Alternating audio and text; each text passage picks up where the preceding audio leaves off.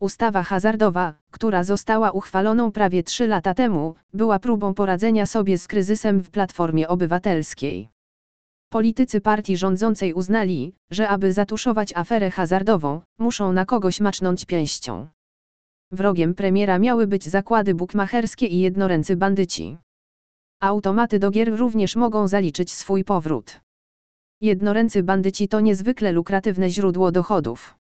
Wyrok sądu dotyczy konkretnie firm je prowadzących, a także na przykład zakładów bukmacherskich, które zapewne będą próbowały walczyć o utracone zyski i mają na to szansę.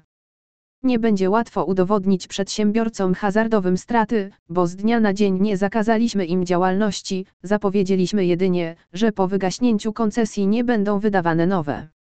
Ale państwo nie jest zobowiązane do wydawania licencji na gry hazardowe.